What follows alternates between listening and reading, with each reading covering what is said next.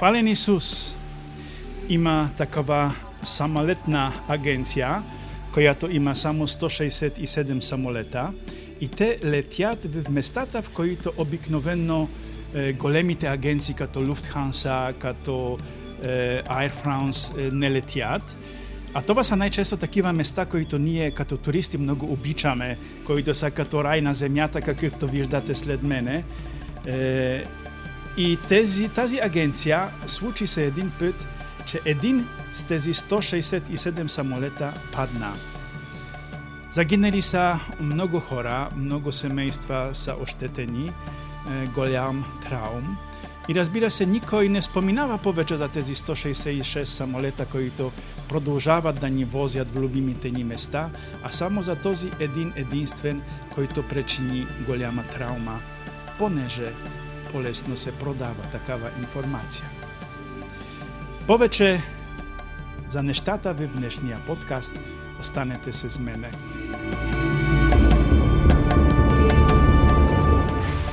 Аз съм отец Кшиштоф, аз съм капуцин, нормално живея в Инсбрук, но като съм мисионар, също и живея частично в Индонезия, както и е, по-настоящем в Мадагаскар, където посещавам проекти, които подпомагаме, е, додавам също и кураж, е, събирам информациите. Днес намирам се на остров Нусибе, на север е, Мадагаскар, в е, Мозамбитския канал. И поканвам ви към моите подкасти под названието ja.podbin.com, които можете обикновено да намерите всяка събота от 12 часа, при условие, че имам интернет, защото от известно време съм без никакъв контакт с света, никакъв телефон, никакъв интернет, нищо, само природа и Господ в тази природа и в човек, когато срещам. Поканвам ви към днешния подкаст.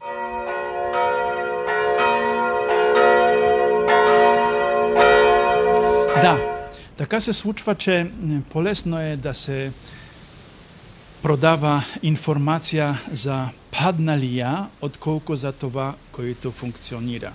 По-добре се продава информация за този, който прави лошо, отколкото този, който прави добро. Така е направен светът.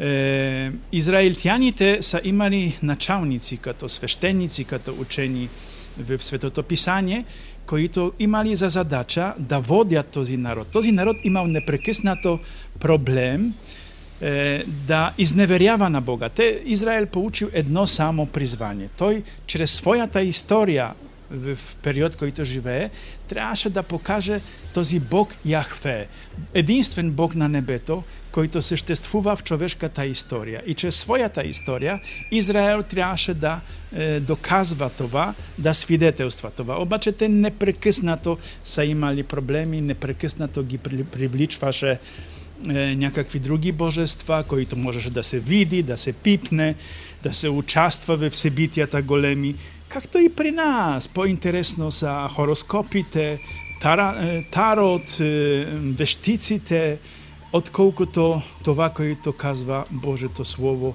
защото по-лесно се вярва в нещо, което е за мен по-логично, отколкото което не е логично, но произхожда от Бога. Така сме направени. Затова също и Бог, Исус Христос, остави ни наставници, наставени свещеници, преди всичко апостолите, които са днешните владици, които са гаранция на науката, която произхожда от Светото Писание, от Исус Христос. Е, и в тази наука те трябва да ни уверяват, те трябва да ни водят. Значи, аз също, нали, аз също съм свещеник. Но много често ние прикриваме Бог със своето поведение, с начина на живота и вие вместо да видите в нас е, или чрез нас Бога, който ви говори, виждате един конкретен човек, който е слаб, който пада. Също и много свещеници, не са малко, падат в тяхното звание и правят различни свинщини, които влияят на лицето на цялата църква, но те са много по-малко те са както този един единствен самолет на 167, който падна. Разбира се, че трагедия е трагедия. Никой няма да върне живота на тези хора. Така и тези, които падат и правят нещата, които не бива да правят, тези, неща се случват, но имайте предвид, че има десетки други свещеници, които посветяват живота си за вас. Предават ви Божето учение, Божето Слово. И вие много добре ги познавате и знаете кои са. Затова опитвайте се е, ние да бъдем презрачни за Слово, което произвезгласяваме. Да можете да чувате Бога, който чрез нас говори. Дух Свети говори много често, не много често. Когато не ви проповядваме нашите измислици, тогава казваме ние, но когато проповядваме ми Божието Слово, тогава е Дух Свети, който говори чрез нас. То изисква от вас също и малко затруднение, но опитвайте се. Опитвайте се да не гледате нас, а да гледате този, който след нас стои, Исус Христос. И това Слово, което ви проповядваме, това е Слово, което е гаранция за вечен живот. Същата история имал Исус с фарисеите по времето, на своето време, когато беше.